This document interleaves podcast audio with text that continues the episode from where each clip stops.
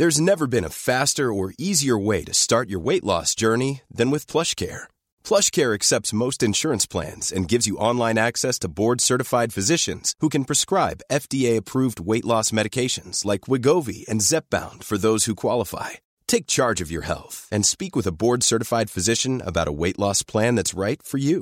Get started today at plushcare.com slash weight loss. That's plushcare.com slash weight loss. plushcare.com slash weight loss. Hiring for your small business? If you're not looking for professionals on LinkedIn, you're looking in the wrong place. That's like looking for your car keys in a fish tank. LinkedIn helps you hire professionals you can't find anywhere else, even those who aren't actively searching for a new job but might be open to the perfect role. In a given month, over 70% of LinkedIn users don't even visit other leading job sites. So start looking in the right place. With LinkedIn, you can hire professionals like a professional. Post your free job on linkedin.com slash people today.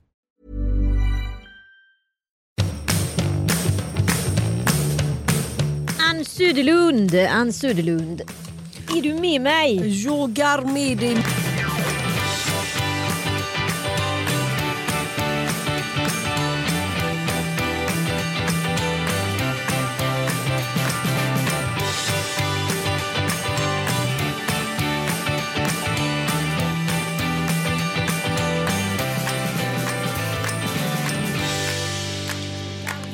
Meine dames och nobelpristagare. Inte en enda kvinnlig nobelpristagare. I år? Nej. Nej, Nej men vad är grejen, ärligt talat? det var lite deppigt. Ja, men det kan inte vara så att inga kvinnor gör någonting bra i den till exempel medicinska världen.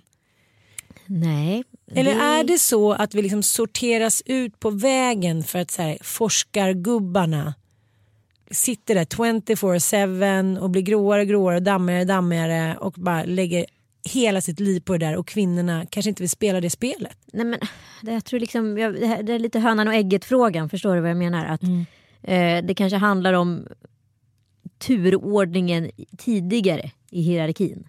Alltså vem blir forskare och på vilka kriterier blir man forskare och hur väljs de forskarna ut och vilken typ av forskning premieras och så vidare. Och den forskning som kanske då premieras kanske är sån forskning som uppbackas av män och kanske också är väldigt mycket män som är med i forskningsteamen och så vidare. Och då är det lättast för akademin att se den forskningen som får mest, liksom, gör mest avtryck. Det, väl, alltså, det ska vara den effektivaste forskningen och så vidare. Jag tycker det är tråkigt. Jag Ja, men inte jag, jag, men jag tror inte det handlar om kvoteringar eller gör det det? Jag vet inte. Är det Nej. akademin som väljer fel och då kommer ju de få skit för att de så här väljer saker efter populism och då kommer så här Sverige få skit för det.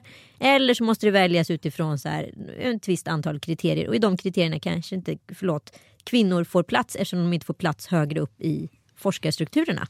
Precis, men då kan vi prata lite om klänningar. Ja, eftersom vi är Det där, kvinnor, det ja. är där vi kan åtminstone ro hem poängen. Precis. Kronprinsessa Victoria i sin himmelsblå plisserade långklänning. Den var gjord av sidenchiffong och sidensatäng med hög hals, knappar i ryggen markerad midja av den svenska designern Jennifer Blom. Nu är inte jag liksom kanske något högdjur inom modeindustrin men jag har aldrig hört talas om henne. Inte jag heller, men vad kul. Så kul!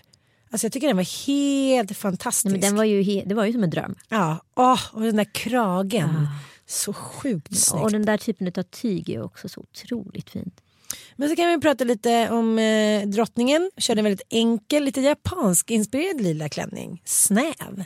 Men jag tänker så här, förstår du hur mycket kalajs Silvia är på per år? Och hon ska överträffa sig själv hela tiden. Jo, jag förstår, men det är ändå bara Nobelfesten en gång per år. Ja, men du vet så här, nu ska jag säga någonting. Apropå eh, liksom, prinsbröllop och alltihopa. Jag hade ju liksom gräddtårtornas gräddtårta. Alltså det var ju en krenolin under som var så stor och så vid. Och har man en gång suttit på en middag i en krinolin kan jag säga, det kommer du aldrig göra om. Så jag tror att Silvia har valt ut efter sittningens längd. Rumpvänlig klänning. Rumpvänlig klänning som är skön att sitta i. För att ska du sitta i så många timmar som man gör i en krinolin. Jag hade alltså brännmärken och skavsår på höfterna för att det, är så här, det gör ganska ont att sitta i de här stålbalken. Liksom. Men gud, tänk dig kvinnans modehistoria med korsetter och konstiga krinoliner. Ett tag så var ju krinolinerna liksom runda och stora som ett litet tåg. Ja.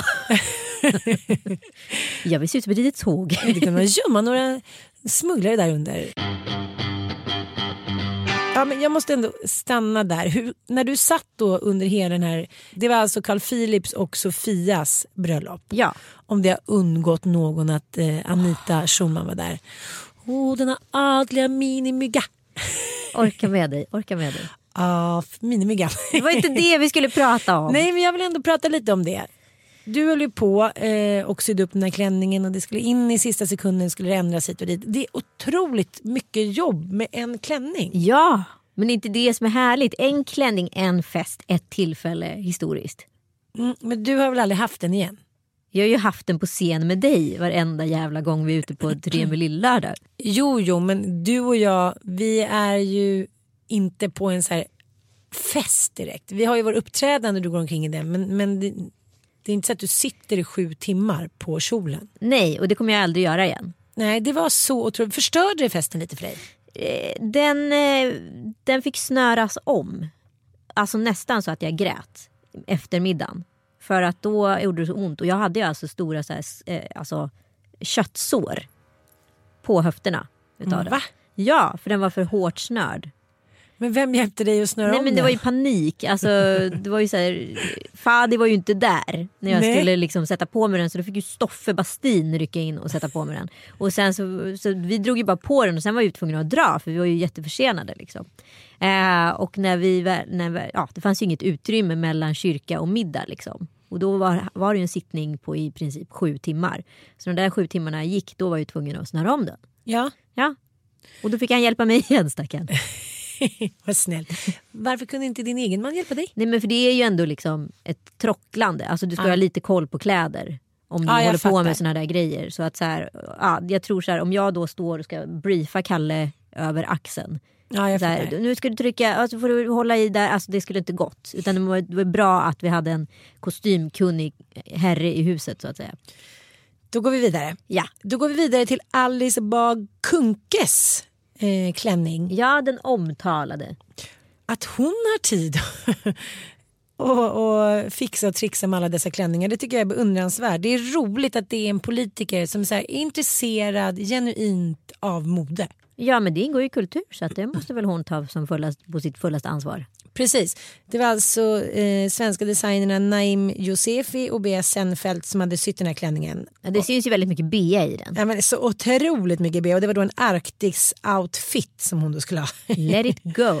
Ja, men jag fattar inte, hur kunde hon ens äta i den där pappersboleron? Nej men jag tänker mer sy- synd om hennes bordskärrar. De ska behöva så här, ursäkta vad jag sa, det är något skrymmande i vägen, det är något skrymmande i vägen. Ursäkta, det prasslade lite här.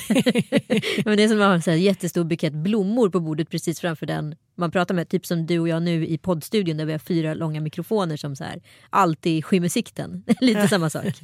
Det är skönt, slipper vi se varandra. Ja, det är skönt. Ja, men överlag tycker jag faktiskt att det var fina klänningar i år. Hög Det, standard. det var liksom... Det var jävligt hög standard. Men det jag inte riktigt förstår eh, med övriga prinsessor det är att de inte kan vän, liksom välja lite mer färg. Det är mycket puder och beige och puder och beige. Ja men det är ju mycket nude. Det har ju varit mycket nude de senaste två åren och det är fortsatt trend. Sen så är ju problemet med nude när man bor i Sverige och så här års att det kanske inte är den mest bästa färgvalet.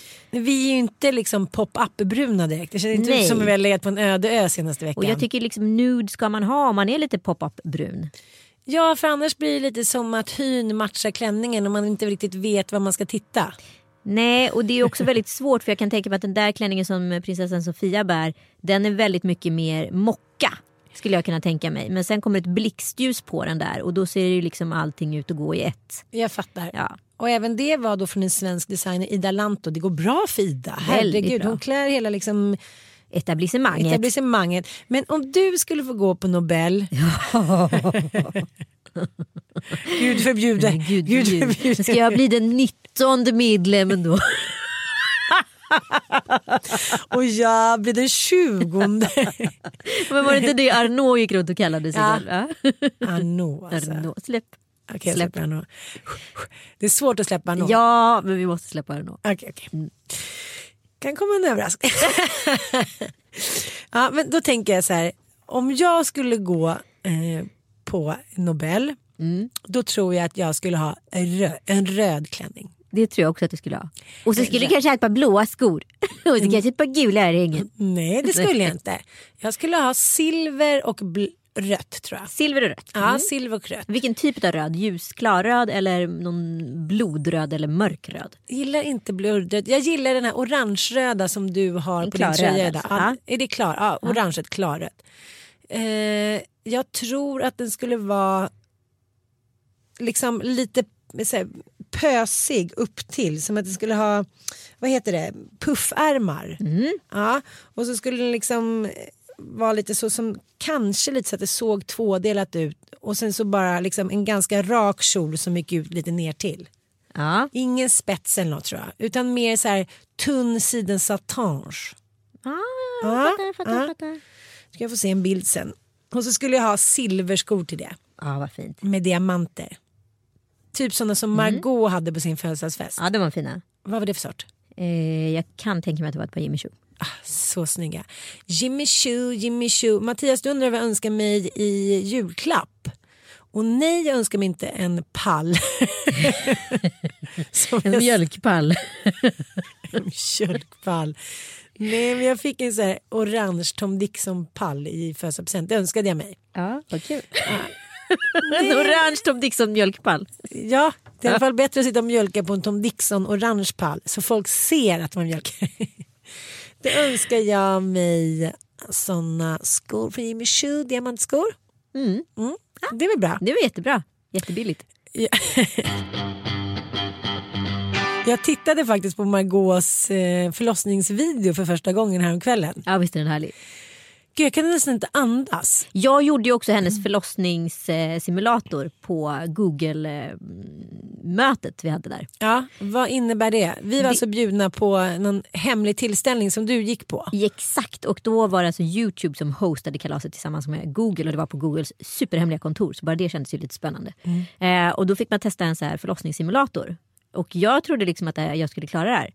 Men det, det blir en annan typ av smärta eftersom den går in i nerverna. Och det gick in i nerverna precis vid, vid den övre magregionen. Och det skap- Berätta, nej, det här tycker jag är skitspännande. Nej, men det Berätta skapade nu. ett sånt extremt obehag. Alltså det var ett extremt obehag att få den här eh, alltså massiva smärtan som en förlossning innebär. På, under så kort tid. Men du måste förklara, ni kom dit, helt plötsligt satt du med en förlossningssimulator Det fanns på olika stationer, man skulle alltså genomgå Margaux förlossning. Så det fanns en Okej. 7-Eleven station där liksom hennes vatten hade gått. Och så fanns det ett badkar där hon satt och liksom hade sina förverkar eller liksom Mm. vad man ska kalla det. Och sen så fanns det även en förlossningssimulator som man får liksom testa på hur det känns att ha en förlossning. Alltså verkmässigt. Sen är det ju inte liksom som en konkret förlossning. Men det är samma typ av verk Ja, som ja. man simulerar i nerverna då. Och det var fruktansvärt obehagligt. Jag var inte alls redo för det. Jag Nej. klarade inte av det. Jag klarade en halv förlossning. Jag klarade inte mer. Sen kommer jag från, direkt från mjölkpallen och trycker ut den. Du får vara min doula nästa gång. Ja, snälla kan inte jag få vara det? Gud vad bara på att tjata om att jag skulle vara ens doula förr i tiden. Men gud, så var det nu när jag skulle föda frallan. Då var det väldigt många... snälla, snälla. Förlåt om jag säger men jag skulle inte kunna tänka mig något värre än att så här, någon vän satt och skulle vara med som en tredje part. Men jag, tycker, jag skulle inte tycka att det var så hemskt men samtidigt skulle det vara så taskigt mot ens respektive. Att så här, det blir, alltså om den personen redan känner sig malplacé i situationen så kan du tro fan att den kommer känna sig ännu mer malplacé. Ska jag badda? Eh, ska jag... Och skulle man då våga bete sig mot sin vän? Tänk om du var med, vi säger att jag skulle föda ett sjätte barn och Ja. du var med som min dola. Mattias är ändå så här, nu menar inte jag att, att, att man kan vara taskig mot honom det ska man ju inte men mot sin man så kan man ändå vara så här Håll käften, sluta, det där hjälper inte, bla bla bla. Men skulle man då också få ett, ännu en press på sig att så här, behandla sin kompis bättre. Vi pratade om det igår, jag och några kompisar här. Men gud, vad, att man då vill bli behandlad som man själv behandlar sina vänner av sin partner. Men det är ju inte så att man själv alltid behandlar sin partner som man behandlar sina vänner. Nej, nej, nej, absolut Nej. inte. Nej, och grejen är ju så här att det finns, det finns ju en ytterligare nivå utav kommunikation. Du och jag kan ju vara fräsa åt varandra och vara otrevliga och sådär. Och det löser sig. Men det är fortfarande ett skikt utav osäkerhet emellan oss. Förstår du? Ja. Som man kanske inte har med sin partner om man kallar den för så här, fan vad dum i huvudet du är. Mm, För då, ja. då har ni redan synkat av att det här språket är okej att använda inom det här forumet. Mm. Men det kanske inte du och jag har på samma sätt. Så du skulle kunna tolka det som en konkret förolämpning. Ja, och jag kanske skulle bli sur och sårad. Precis. Det händer ju att vi blir det gentemot varandra men då säger man ju till direkt. Exakt. Men det är också för att du, det är bara du och jag. Ja. Oftast när jag och Mattias tjafsar då är det så här 200 barn eller någonting runt omkring. Det säger du samma sak och är du så, jävla dum, du så jävla dum i huvudet skulle inte han reagera i situationen. Som du hade gjort mot mig i en dola situation. Det var ju det vi pratade om. Ja precis, Ja. tack. Ja. Du bara, vad pratade vi om? Nej, nej det är inte så. Det är bara att jag mår lite dåligt för när man börjar så här, på något sätt analysera och tolka sitt eget språkbruk och beteende gentemot sin man. Ja, Eh, och eh, vice versa. Så det är inte så här som att jag är någon så här elak liksom, eh, ordvitsare där hemma utan det där kan vara lite ömsesidigt. Lite ömsesidigt. Och då tänker jag på att för varje barn så blir man liksom lite tröskeln för så respekt bara så här nagelfilas ner lite lite grann hela tiden. Ju tröttare och det liksom mindre glamour man får in i sitt liv. Vet du vad som hände för första gången sen vi separerade? nej. Jag och mitt ex. Jag blev avundsjuk. På någonting som mitt ex skulle göra med barnen. Jaha. Mm. För de har ju varit på resor såklart Ja, och de har varit på all inclusive och de har varit på all inclusive och all inclusive. Ja. Och det tycker jag också är härligt men det kanske inte är min dröm. Det, det tycker jag är bra och det blir enkelt och alla är på glatt humör. Men nu ska de så här, åka till LA, hälsa på lite släktingar, eh, hyra en bil. Så han ska åka med så här, våra tre grabbar ish som ändå är så här, som man kan hänga med nu. Men, men kände du dig dum då för att det var du som inte hann först? Alltså att du har lovat den här drömmen och sen så är det han som infriar den. Känns det som du blir liksom snuvad på karamellen? Men vänta nu, nu insinuerar du någonting trots att du inte är liksom en brottsadvokat. Nej, jag bara frågar. För att du har ju Nej. pratat om att du ska åka till, med oss igen till New York. Och Men det ska om... vi. Vi ska ju åka till New York i april så det är bokat och klart. Jaha, det är bokat och klart. Ja, men, men jag har ju såklart sett mig själv som deras så här, äventyrsmorsa som ska ta med dem till så här, Nine Flag och... Men, Six Flag brukar det heta, men det kanske var nej, nej. det är ett lite mindre ställe nära San Diego. nej men du fattar. Ja, ja. Och sen så, Ett vet- päron till morsa. ett päron till morsa, lite så. Ja. Och nu ska han göra ett päron till farsa. Och då är jag avundsjuk. Och då vill jag följa med. Det får du inte. Förstår du? Jag vill på riktigt följa med. Och jag tycker att det skulle väl ändå funka bra. Att jag är med lite. Men, men det som är problemet sen vi separerade är ju att han vill inte att jag ska regissera. Nej, det förstår jag. Ja men det förstår jag också. Och jag vill ju gärna Kan jag regissera. kan tänka mig hur det skulle se ut ifall du kliver in i den där bilen och bara Nej men jag vill inte äta burgare idag igen. Idag vill jag äta något fräscht. Idag vill jag äta kale. Och så börjar liksom bråket direkt.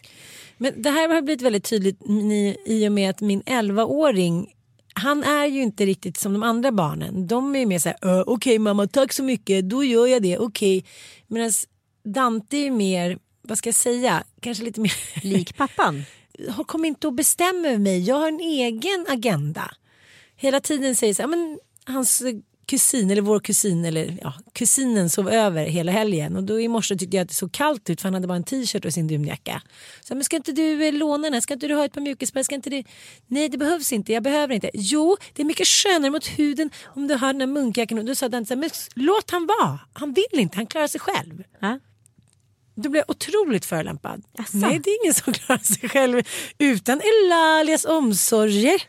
Eh, men jag märker- förstår ju det för jag kom ju på en jättegrej som jag blev irriterad på med dig när vi var i Thailand. Och du hade med Felicia Aha. som assistent. Ja.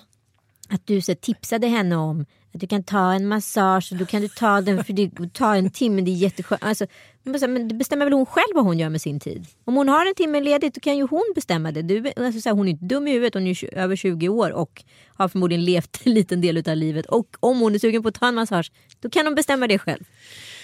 Ah, Gud, det har så här blivit som en så insikt att jag ska så regissera och tycka till och göra mycket mer än vad jag någonsin har trott. Ja. Det är lite så här att, att man har en bild av sig själv Mm. och så kanske någon annan har satt en in en i en bild i ett fack som man inte vill. Mm. Då tror man lite på det facket fast man säger men egentligen är det inte så. Man kan ju ha två sidor, det är inte så jag menar. Nej, nej, nej. Du Men- vill ju väl. Jag ser ju din sida. Men jag ser också irritationen, en potentiell irritation hos Felicia. Jo jag vet men jag ska alltid säga ah, då går ni och äter lunch då och då får ni det. Jag vill liksom regissera för att jag vill att alla ska ha det så härligt som möjligt. Men det är Fast- härligt i din bubbla. Jag vet. Det är jag som vill att de ska ha det härligt. Ja. Det är jag som vill att de ska åka på det läget. Det är jag som vill att de ska ha kompisar hemma. Jag vill regissera ett liv som jag tror är ett drömliv för ett barn eller en ungdom. Mm. Men är det fel då?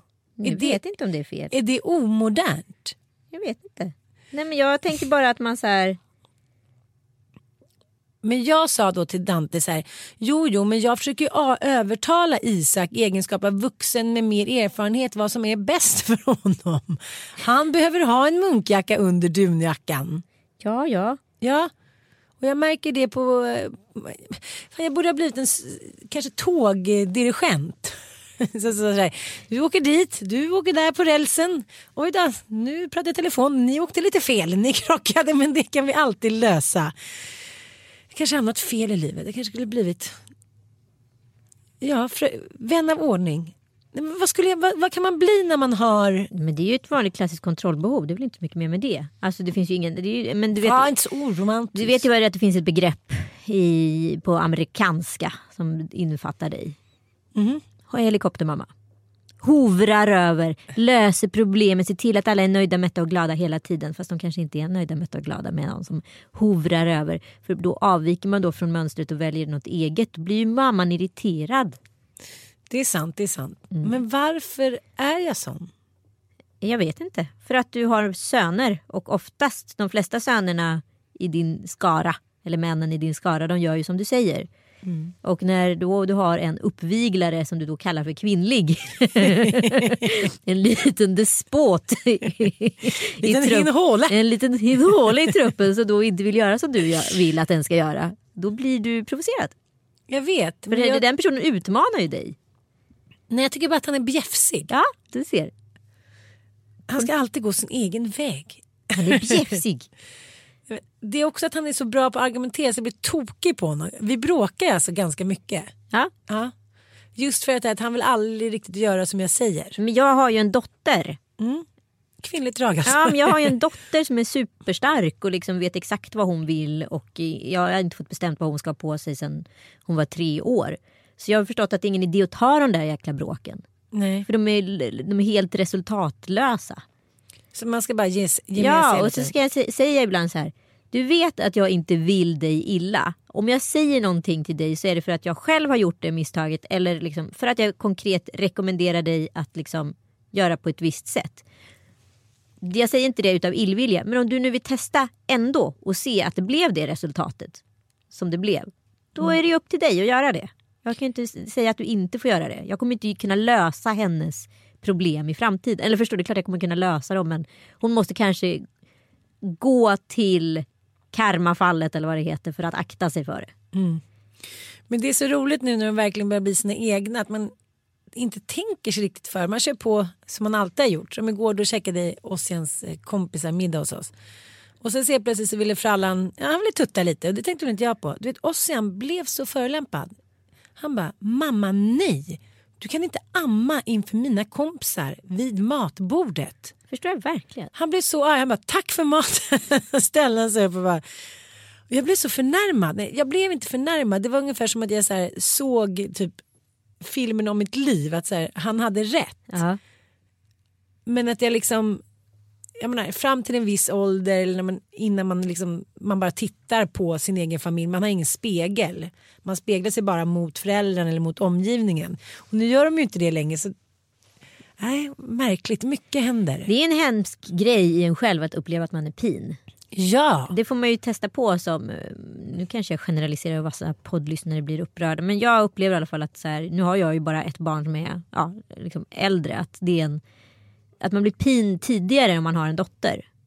Ja, men jag tycker de, de har nog, det är nog först nu som de har börjat tycka att jag är pin. Ma- Jag har inte varit riktigt pinen. Det var någon gång när jag så skrattade för högt eller sa något så lite opassande som Penny bara mamma. Du vet en sån. Man Ja, bara så ja. men gud just ja, jag är ju förälder, jag är ju pin.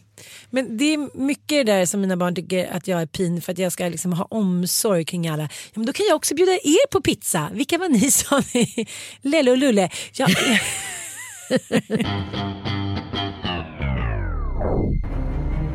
Police now say they have a suspect in the case. Let's go to Hon var ute på en motionsslinga och kom inte tillbaka eh, på avtalad tid. One concern the police obviously has is that six months on, the flow of som misstänks för mord på en kvinna i Frankfurt 1992. Eh, Någon har blivit knivhuggen uppe på NK på Filippa K. Vi behöver ambulans hit med en gång. Och då kan jag säga att det var vår nya lilla jingel för våran crime scene. Exakt. Det här är alltså Lilla Lördag Crime först ut. Eh, intresset för crime-poddar har ju typ, jag måste använda ett journalistiskt uttryck, ökat lavinartat. Verkligen. Ja. Och jag själv lyssnar ju mest just nu på crime-poddar. Alltså det är ju Mordpodden och P3 Dokumentär och allt vad det är. Liksom. Jag tycker ju att det finns oerhört spännande brott. Ja, och eh, det otroliga populariteten för Leif GW måste väl också så här, mynna ur någon form av så här, popularitet för allting som har med crime att göra. Varför är vi så fascinerade av sånt här? Ja, men jag vet inte för det finns liksom något äckeljuvligt i det. För det är en personlig tragedi för flera personer som är utsatta för själva brottet. Men samtidigt är det ju också väldigt spännande för lyssnaren att höra om den andra typen av människas natur. Som u- begår ett brott, hur man tänker, hur man genomför ett brott. För det är så skamligt på något sätt. Men också tycker jag, det vi måste belysa i den här podden det är att prata om kvinnor som har varit utsatta för brott. Och hur samhället har sett ut och vilka strukturer som har gjort att de här brotten har kunnat begås. Jag kan tycka lite när man läser tidningarna så är det så många hemska brott som begås mot kvinnor som man blir nästan så här. eh, Man blir nästan alldeles stel. Eh, och brott som så här, de har vetat om att det ska ske. De har skrivit sina dagböcker. Eh, de har gömt undan bevis. De vet liksom att de här männen till slut kommer ta livet av dem. Ändå tar de hand om barn, de går till jobbet, de försöker räddas vad som räddas kan. Det är så här vidrigt vad kvinnor är utsatta. Jag menar, historiskt sett så har den kvinnliga brottsligheten alltid varit låg men sen har den så här, klart ökat under vissa perioder. Och antalet kvinnor som har dömts för brott har ju som lägst varit 5% av alla då i Sverige och som högst eh, 22. Men sen så kan man ju se, det tycker jag är jäkligt spännande, när alla kvinnobrott eller kvinnobrottsligheten har ökat. Och eh, det är alltid liksom när det är någon social press om man säger så. På Till vilket exempel- sätt då? Ja men till exempel eh, som under nödåren 1867-1868. Då märker man att kvinnobrotten ökar som stöld. För man svalt helt enkelt. Precis för att man ville ha mat till sina barn helt enkelt. Eh, och också under andra världskriget under slutet av 50-talet. Så man kan säga så här, alla ökningar för kvinnlig brottslighet det är kopplat till svårare tider och sämre levnadsförhållanden. Eller totalt drastiska förändringar i samhället. Om man till exempel för en kvinna skulle det strida mot vår natur eller vår bilden av vår kvinnlighet att begå ett brott. Vi blir alltid hårdare dömda tycker jag. Mm. Eh, män är lite såhär, ja ja ja det var ingen fara, han råkade, det var lustarna, du vet han är sån. Men när man själv begår någonting, var det än, som, var det än nu skulle handla om att man här, skulle bete sig illa mot barnen eller man skulle begå ett, ja vad fan som heter rån, det är väldigt ovanligt. Då är man ju dömd för alltid. Ja, ja, ja. Som en så här kvinnlig brottsling och det ser ju inte omvärlden med blida ögon på. Då är man ju en fallen kvinna. Alltså. Kom du ihåg när eh, skådespelerskan, fan hette hon som åkte fast för snatteri? Winona Snygga. Twin Peaks. Winona Ryder. Okej. Kom du ihåg när Winona Ryder åkte fast för snatteri? Nu var det ju ganska dyra grejer. Men då kände man ju direkt så här, ja men gud det är kört, hon har börjat knarka, hon mår så dåligt, det här är ett rop på hjälp. Om en manlig skådis skulle gjort skulle man säga så här, va vilken jävla galning. Han som har Pundar, pe- han är besatt. Han är kleptoman, han är sjuk. Ja, men jag tror också att det handlar ganska mycket om att så här, den manliga identiteten. Så om man begår ett brott då är ju inte det att någon säger så här, va? Har du begått ett brott? Det är bara liksom kan ju kanske i vissa kretsar till och med förstärka ens manlighet. Men som kvinna och vara brottsling, det är så här, då blir du ju typ kändis. Ja, ja, ja. Om vi då till exempel tar eh, våran eh, huvudperson idag, Lillemor Östlin.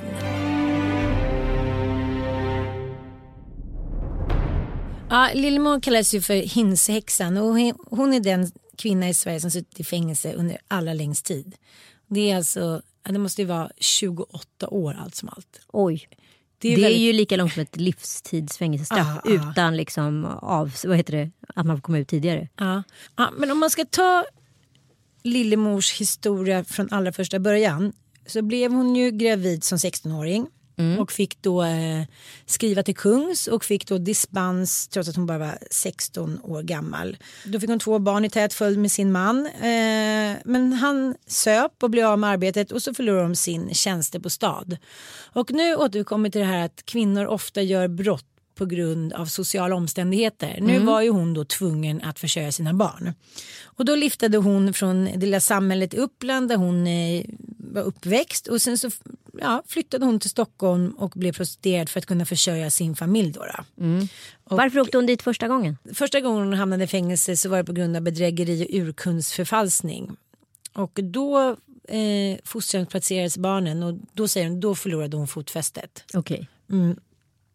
Och då, det här tycker jag man ser tydligt i många kvinnors öden. Att när man förlorar barnen då förlorar man fotfästet och då är det lätt att hamna då i den undre världen. Och det är det hon säger. Där hon säger att där fann hon också trygghet. Där var det folk som inte dömde henne. Eh, och där var hennes vänner som hon också kallar rövarna. Man måste också se att det här var en helt annan tid. Mycket, mycket oskyldigare. Och det visar sig jävligt tydligt sen också när hon eh, eh, hamnar i rampljuset för den så kallade Geijer-affären. Just ja, Göran Geijer, gamla. Precis. Men eh, hon säger att hon har knarkat och tagit amfetamin i 55 år och fortfarande gör det. Oj, Ja. Och hon har inga planer på att sluta. okej. Men hon gör inget brottsligt säger hon. Men då, då kan man ju fråga var får hon då pengarna ifrån?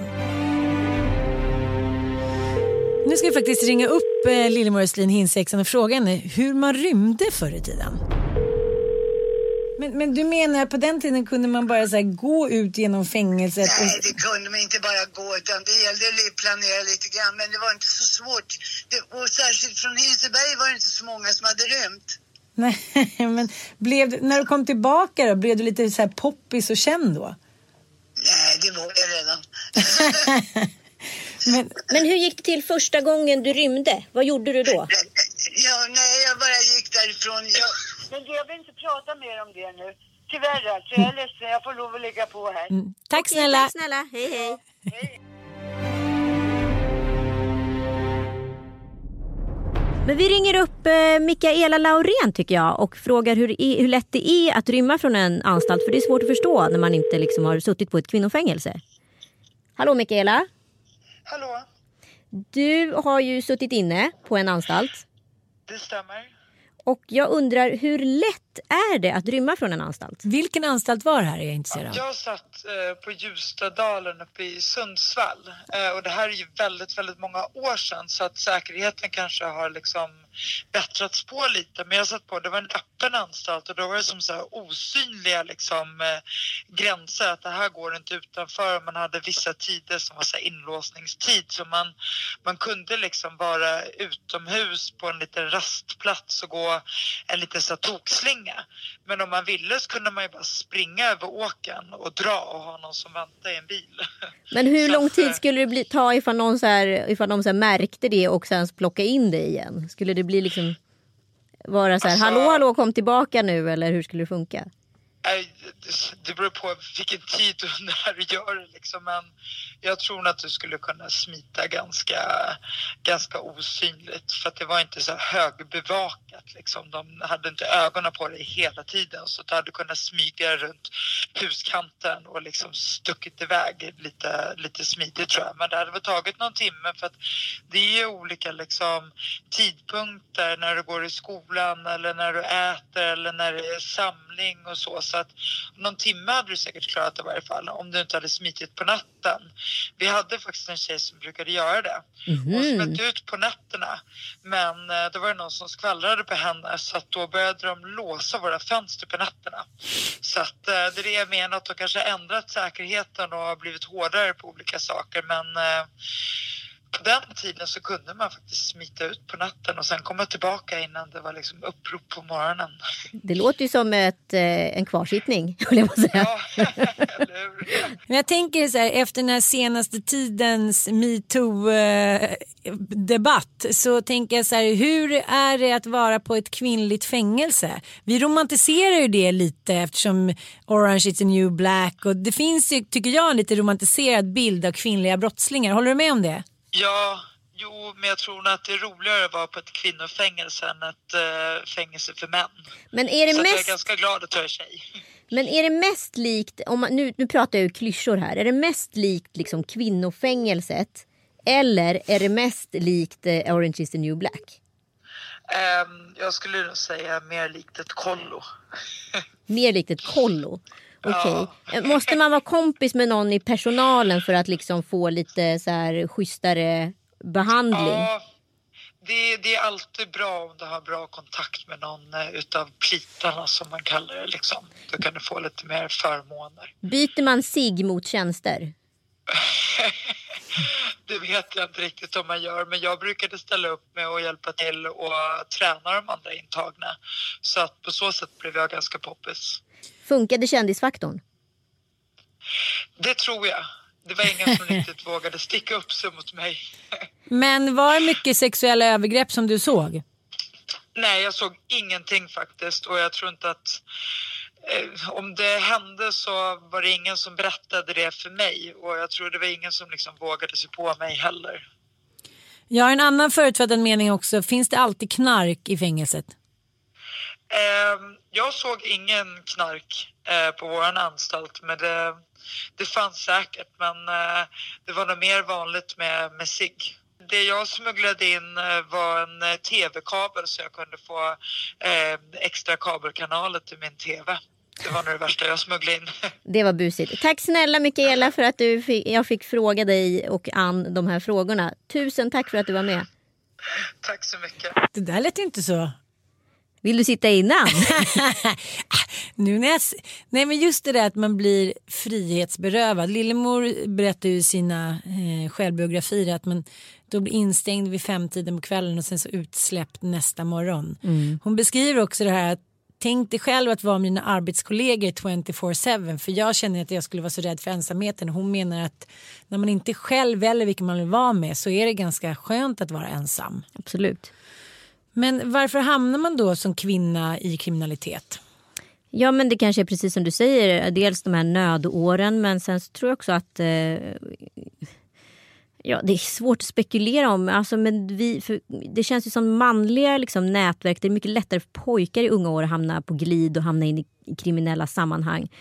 Och den mer så här, testosteron impulsstyrd miljö. Men som kvinna mm. tror jag att, faktiskt, och det kanske låter förskönande, att det måste föranligga någon typ av desperation bakom det. Det är inte bara ett kicksökeri. Jo, men, men... Sen kanske det blir det. Det vet jag inte. Jag, jag har ju själv snattat grejer och det är klart man får puls efter snatteriet. Det är som ett, det är som ett så quick fix. Alltså det är adrenalinpåslag gånger hundra. Liksom. Men liksom, jag tror inte det är därför en kvinna tar såna risker. Alltså, alltså gå till grövre kriminalitet än ett snatteri. Varför han snattar tuggummi och får lite puls. Ja, men sen finns världen. det ju liksom galningar som, jag menar, det finns det ju överallt. Alltså psykiskt galningar. Ja, men det är klart att det finns psykisk ja, ohälsa. Jag tycker man ser att det är samhällets ojämlikhet som är så här, som något bärande tema när man hör berättelser från människor som har hamnat i fängelset. Att så här, mycket människor som har svikit eh, situationer som man inte kan hantera. Man hamnar på gatan. Eh, man flyttar mellan olika orter och adresser. Det finns ingen som bryr sig. Eh, det finns ingen lärare eller ingen vuxen. Eh, och det har gjorts väldigt så här, stora jävla undersökningar i USA. Att så här, har man bara en enda människa som lyssnar på en då klarar man sig mycket bättre. Liksom. Mm. Jag tycker vi kanske börjar avrunda här men eh, det här är i alla fall eh, första liksom, testet i den här genren. Kan ja. ni väl säga vad ni tycker helt enkelt om podden? Vi kommer bli lite mer tajta i vår research framöver och vi kommer bli liksom eh, lite mer vassare på ämnet tror jag. Ja, det tror jag också. Ja. Det var väldigt kul att vi fick tag i Lillemor. Ja. Sen är det ofta tycker jag när någonting har lyckligt slut lite som det ändå slutade ganska lyckligt för hinsexan. Mm. Det var ju det att hon, eh, hon var gift fyra gånger men sen blev hon ju väldigt kär, hennes livskärlek då, Helmer. Eh, ja, det var en mycket bra man och det var riktig kärlek. Men sen så, det var den sista juvoren som hon säger. Men sen dog han och då, ja, då föll det väl lite igen. Och då begick hon ett nytt brott. Ja. Mm. Kärleken håller oss i schack. Love can save us all. Ja. Tack för den här veckan. Kul att ni lyssnade. Vi hörs igen om en vecka. Puss och kram. Hej hej.